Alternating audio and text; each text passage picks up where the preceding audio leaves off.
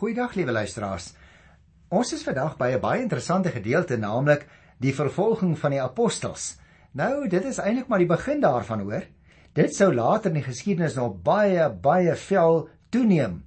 Maar ek gaan dit uh, vandag behandel die gedeelte wat ons hier in Handelinge kry by hoofstuk 5 van vers 17 tot aan die einde van die hoofstuk, naamlik vers 42. Ter agtergrond wil ek miskien net uh, soos gewoonlik maar uh, so 'n paar inleidende opmerkingies maak want jy sien in hierdie spannende verhaal word die magteloosheid van die Joodse raad om die gees van God te keer in baie baie helder kleure vir ons geskilder. Dit is as dit ware die mag wat mense meen dat hulle het wat te staan kom teenoor die almag van God deur die Heilige Gees. Die Joodse raad dreig so al wat hy kan. Maar 3 maal in die loop van hierdie verhaal lees ons daarvan dat die apostels Jesus sonder enige huiwering verkondig het. En die hoogtepunt van die verhaal is dan uiteindelik die toespraak van die bekende man Gamaliel wat daarop uitloop dat hy die raad waarsku om op te pas dat hulle nie dalk teen God self besig is om stryd te voer nie. Dis my eintlik so ironies. Uh liewe luisteraar want die geestelike leiers was jaloers omdat die mense vir Petrus en die ander apostels met soveel agting behandel het. Die verskil het natuurlik daarin gelê dat die geestelike leiers die agting en die eerbied vir hulle self wou hê, terwyl die apostels wou hê dat die mense God moes eer.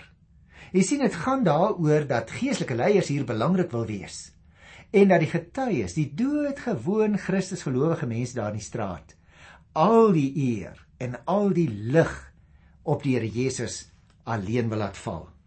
Dit maak my eintlik in 'n sekere sin bietjie bang hoor. Ek weet nie vir jou nie. Want partykeer is ons tog ook so geneig, al sal ons nou nie in soveel woorde dit wil erken altyd nie, om self ook so bietjie belangrik te voel, so bietjie in die in die lig te staan, né? Soms selfs ook wanneer ons besig is met die Here se werk. Wees versigtig. Want al die lig moet op die Here Jesus val. En daarom is my baie interessant, die apostels is wel met eerbied behandel, nie omdat hulle van die mense geëis het om hulle so te behandel nie, maar omdat hulle dit verdien het. Hulle het as dit ware hulle staanplek as Christene verdien. Mag ek dit andersom vir jou sê? Hierdie gehoorsaamheid aan God wat vir ons hierso beskrywe word in Handelinge 5 vers 17 tot 42, dit volg op die vervolging van die apostels waaroor ek die vorige keer gepraat het. En ek wil amper vir jou sê as ek nou mag dink aan die Ou Testament, soos by die verhaal van Jona, kan 'n mens byna ook van hierdie verhaal praat as die verhaal van die groot teenstellings.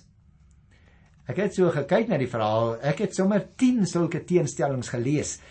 Ek dink jy moet dit ook self gaan lees en kyk of jy ook van hierdie teenstellings kan eh, kan agterkom. Maar goed, kom ons begin hierso by vers 17 tot by vers 18. Die hoë priester en al sy ondersteuners wat aan die party van die Sadduseërs behoort het, is met afguns vervul en hulle het besluit om in te gryp.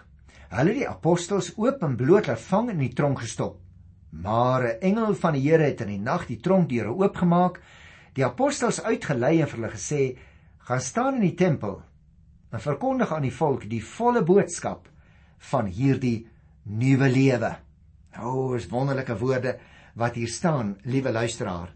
Die apostels het naamlik wonderwerke gedoen en hulle het dus vreesloos gepraat oor God wat kragtig teenwoordig was in hulle lewens. Tog?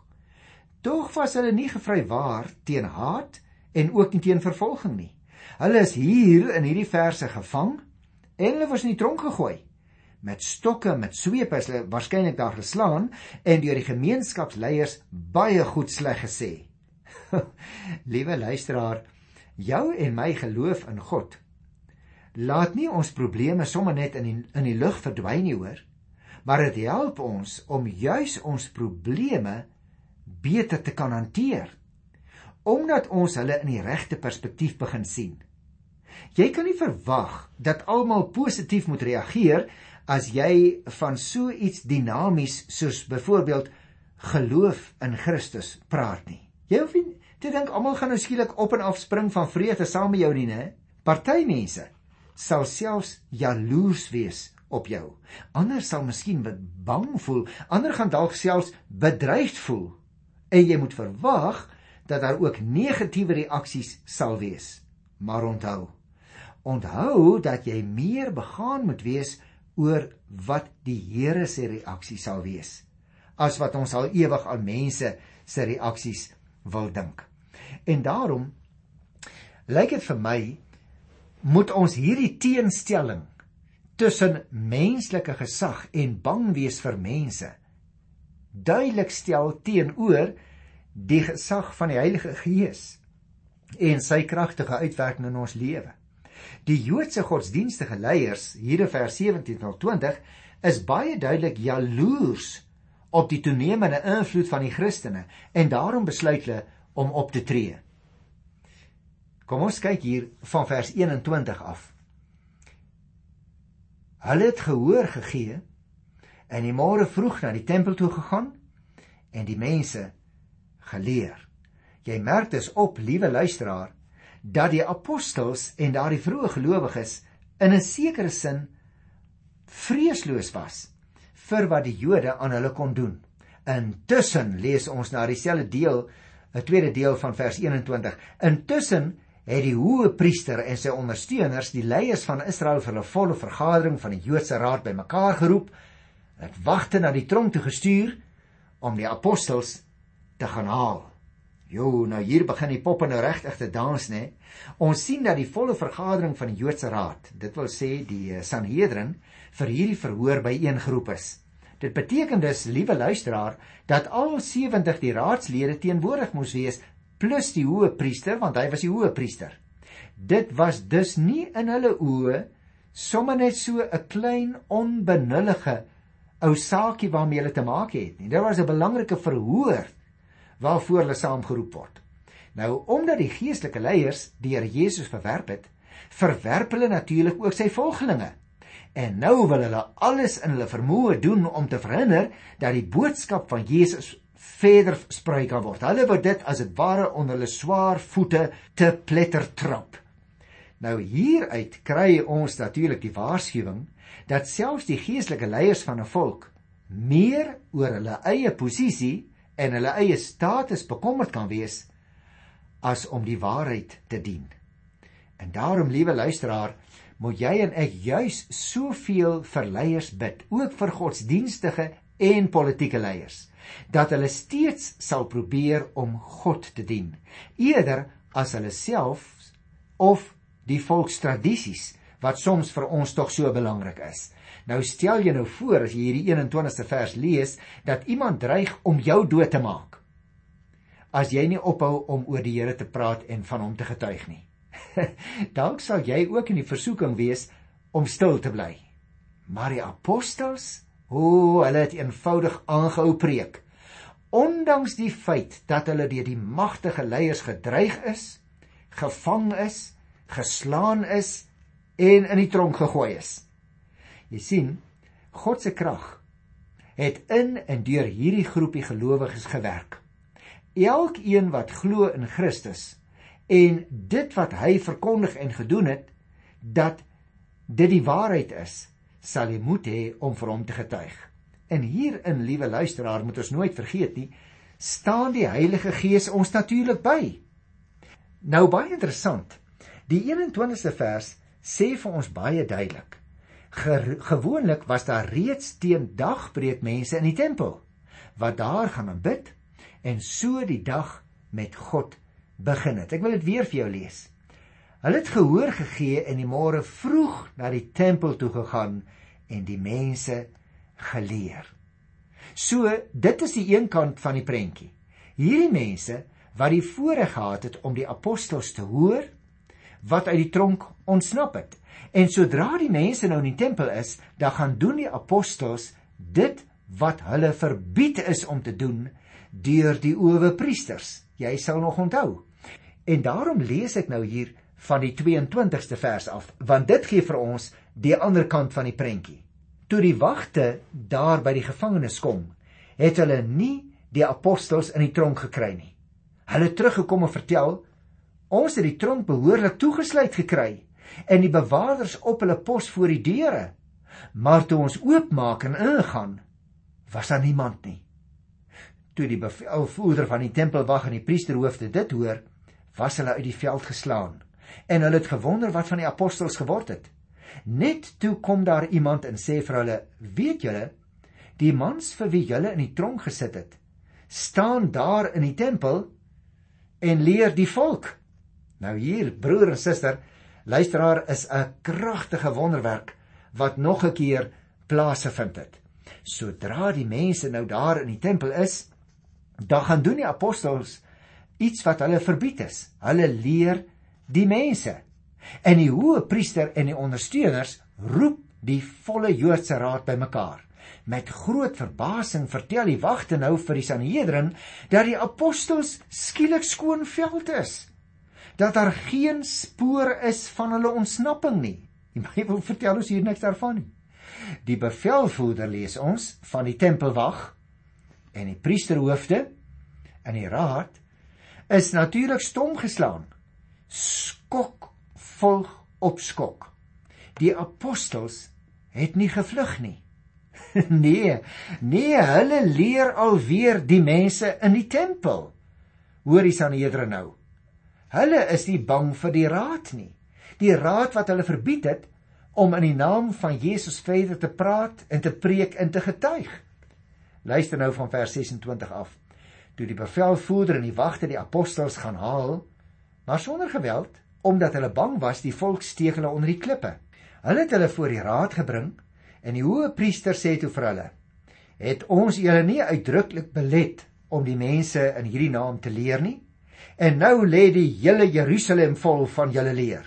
Boonop wil julle ons nog verantwoordelik hou vir hierdie man se dood." Nou luisteraars, let op hoe neem die tempo in die verhaal toe. Die spanning neem as dit ware toe en dit word beklemtoon. Jy sien die bevelvoerder en die wagte van die Sanhedrin gaan haal na die apostels. Hulle moet egter hulle gevoelens onderdruk en hulle beleef gedra want hulle is baie bang vir die publiek se reaksie. Want jy sal onthou ons het in vorige programme vers 13 daarop gewys dat die apostels baie populêr begin raak het onder die gewone mense in die straat. Dat die gewone ouens baie graag na die apostels gestaan en luister het. Die gevoelens het nou so hoog begin loop dat daar gevaar bestaan het dat die volk hulle eie polisie mag spontaan mag begin stenig. Die hoë priester bring twee beskuldigings in teen die apostels. Nommer 1. Hulle was verbied om Jesus te verkondig. Né? Ons het dit gekry verlede keer in Hosea 4 by die 18de vers, maar so sê die hoëpriester nou vir hulle, julle het julle nie aan die verbod wat ons julle gegee het gestuur nie. En die hele Jerusalem lê nou vol van julle leer. Die tweede interessante ding wat nou hier gebeur van 'n beskuldiging is dat die apostels beskuldig die raad daarvan dat hulle die Here Jesus doodgemaak het. Jy sal nog onthou, die hoë priester wil natuurlik nie Jesus se naam noem nie, maar sê net minagtend hierdie man. die raad sou erken dat hulle Jesus gedood het, maar nou maak hulle beswaar dat die apostels hulle verantwoordelik hou vir die Messias se dood. Jy sien die apostels is glad nie op hulle mond geval nie. Hulle sê dit is julle wat hierdie man om die lewe gebring het. Nou luister, as ek nou lees by vers 29 tot 32. Petrus en die ander apostels het geantwoord: 'n Mens moet eerder aan God gehoorsaam wees as aan mense. Die God van ons voorvaders het Jesus uit die dood opgewek nadat julle hom vermoor het. Ooh, liewe luisteraar, dis baie skerp woorde wat hulle hierso vir die Joodse raad toevoeg. Nadat julle hom vermoor het deur hom aan die kruis te hang. God het hom verhoog tot leidsman en verlosser aan sy regterhand sodat hy Israel tot bekering kan bring en hulle sondes kan vergewe. En ons is getuies hiervan. Ons en die Heilige Gees wat deur God gegee is aan die wat aan hom gehoorsaam is. Nou moet ons baie mooi op hierdie verse let. Die apostels se prioriteite was reg. Net so, liewe luisteraar, jy en ek moet ook probeer om in vrede met almal te lewe. Maar ons moet egter ook weet dat konflik met die wêreld en die wêreld se owerhede soms ongelukkig onvermydelik is as 'n mens 'n Christen is. Jy sal dalk in situasies beland waar jy nie aan God en aan die mense gehoorsaam kan wees nie. En dan moet jy soos hierdie apostels aan God gehoorsaam wees en sy woord glo en doen. O, ek dink jy en ek moet baie bid broer en suster, juis ook vir hierdie tyd waarin ons lewe. Laat die Here Jesus se woorde ons altyd bemoedig. Onthou jy nog Lukas 6, daarby vers 22 en vers 23 het ek dit behandel. Daar staan: Geseënd is julle wanneer die mense julle haat en julle verstoot en julle uitskel en julle naam vermy soos iets wat sleg is alles ter wille van die seun van die mens wees bly op daardie dag spring rond van vreugde want vir julle is daar groot beloning in die hemel jy merk dus op liewe luisteraar wat in hierdie verse hier by vers 29 tot 32 gebeur Petrus herhaal naamlik die antwoord wat hy alreeds in vers 19 by Hosea 4 aan die raad gegee het. Hy sê hy vrees God. Hy ken geen mens vir wie hy hoef bang te wees nie. Hy probeer dus die botsing met die raad uh, op geen manier met mooi woorde versag nie. Petrus skrik glad nie vir die hoë priester se beskuldiging daar in vers 28 nie. Toe die hoë priester gesê het, uh het ons julle nie uitdruklik belet om die mense in hierdie naam te leer nie. Met ander woorde, daarteenoor antwoord Petrus met nog skerper woorde. Hy sê: Ek wil net vir julle sê, julle het Jesus vermoor. daarteenoor God het hom opgewek. Jy sien, deur die hemelvaart van die Here Jesus is hy verhoog deur sy hemelse Vader het hy gaan sit aan die regterhand so sê Petrus vir hulle die plek van volle mag en daar is hy as die leidsman na die ware lewe wat God skenk hierdie nuwe lewe u sien dis liewe luisteraar die apostels staan nie oomblik terug nie die Here Jesus wil Israel lei tot bekering sê die apostels om weg te draai van hulle sonde af en hulle na God toe te bekeer. Hy wil aan hulle vergifnis skenk. En van al hierdie dinge, aangaande die Here Jesus, is ons, die apostels, die getuies. Vertel hulle nou hier vreesloos voor die Joodse raad. En dit bring my by vers 33 tot 35. Toe die raad dit hoor, was hulle woedend en hulle wou die apostels doodmaak. Een van die fariseërs in die raad, 'n man met die naam van Gamaliel, wat as leermeester van die wet van Moses by die hele volk in hoë aansien was, het toe opgestaan en gevra dat die apostels rukkie buitentoe gevat moet word. Daarna sê hy vir die raad: Israeliete, julle moet versigtig wees wat julle met hierdie mense gaan doen. Nou jy sal onthou dat ek toe ons begin het met die program alreeds vir jou gesê het as ons vir ou vader Gamaliel aan die woord kry, dan kom ons eintlik by die hoogtepunt in hierdie verhaal wat vir ons opgeteken is hier in uh, Handelinge 5. En ek dink liewe luisteraar, daarom wil ek nou in die laaste paar minute wat ek het hierby 'n bietjie meer intensief uh stil staan. Want toe Petrus hulle nou vir hulle sê, julle het Jesus vermoor, was die raad woedend dat Petrus so heldhaftig van hulle kan verskil. En vir die eerste keer dink hulle aan die doodstraf vir die apostels. Maar toe dit gebeur, bring Gamaliel nou die raad tot besinning. Nou, liewe luisteraar, Gamaliel was 'n Fariseer. En jy moet onthou die Fariseërs was 'n Joodse godsdienstige party wat baie groot invloed in daardie tyd uitgeoefen het. Hulle was baie nougeset, hulle was ook baie wetties in hulle gehoorsaamheid aan die honderde Joodse godsdienstige voorskrifte. Hulle was oop vir nuwe voorstellings en daarom byvoorbeeld anders as die Sadduseërs het hulle geglo aan die opstanding uit die dood. Nou oor die algemeen was hulle minder vyhandig teenoor die Christene as die Sadduseërs. Tussen hakies Paulus was natuurlik ook 'n Fariseer, maar ek gaan jou nog eers later van hom vertel. Gamaliel was 'n gesaghebende leermeester van die wet, so lees ons hier. Dit wil sê hy was 'n skrifgeleerde. En hy voer nou die gesprek.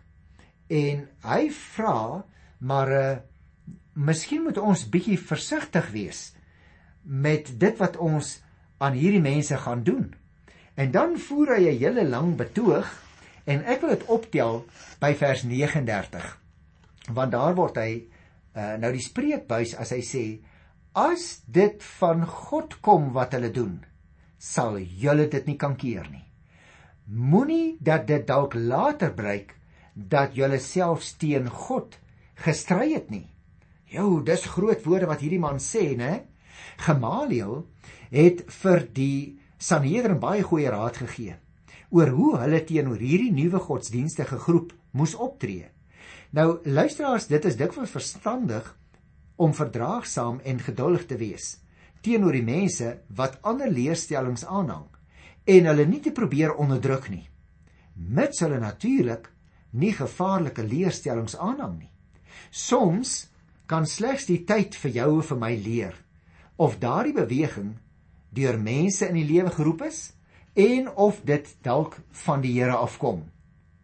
As jy weer te maak kry met groepe wat vreemde leerstellings verkondig word, onthou dan Gamaliel se woorde. Moenie dat dit dalk later blyk dat jy self teen God gestry het nie. En daarom kyk na vers 40. Die raad het na hom geluister. Hulle die apostels ingeroep hulle laat slaan en hulle belet om weer in die naam van Jesus te praat. Daarna het hulle hulle losgelaat. Jy sien Petrus en Johannes is nou geslaan en hulle is gewaarsku om hulle prediking te staak. Maar lees vers 40, hulle het hulle nie daardie laat afskrik nie. Jy en ek moet ook bereid wees om die hoogste prys selfs te moet betaal ter wille van geloofs-oortuiging. Ons sal waarskynlik nie geslaan of in die tronk gegooi word sommer in ons land nie, liewe luisteraars, maar ons mag dalk op 'n dag wel eenkant toe gestoot word deur die groep. Ons mag dalk selfs verwerp word, beskinder word, bespot word. Luister vers 41. Die apostels het van die raad af weggegaan. Bly, is dit nie wonderlik nie?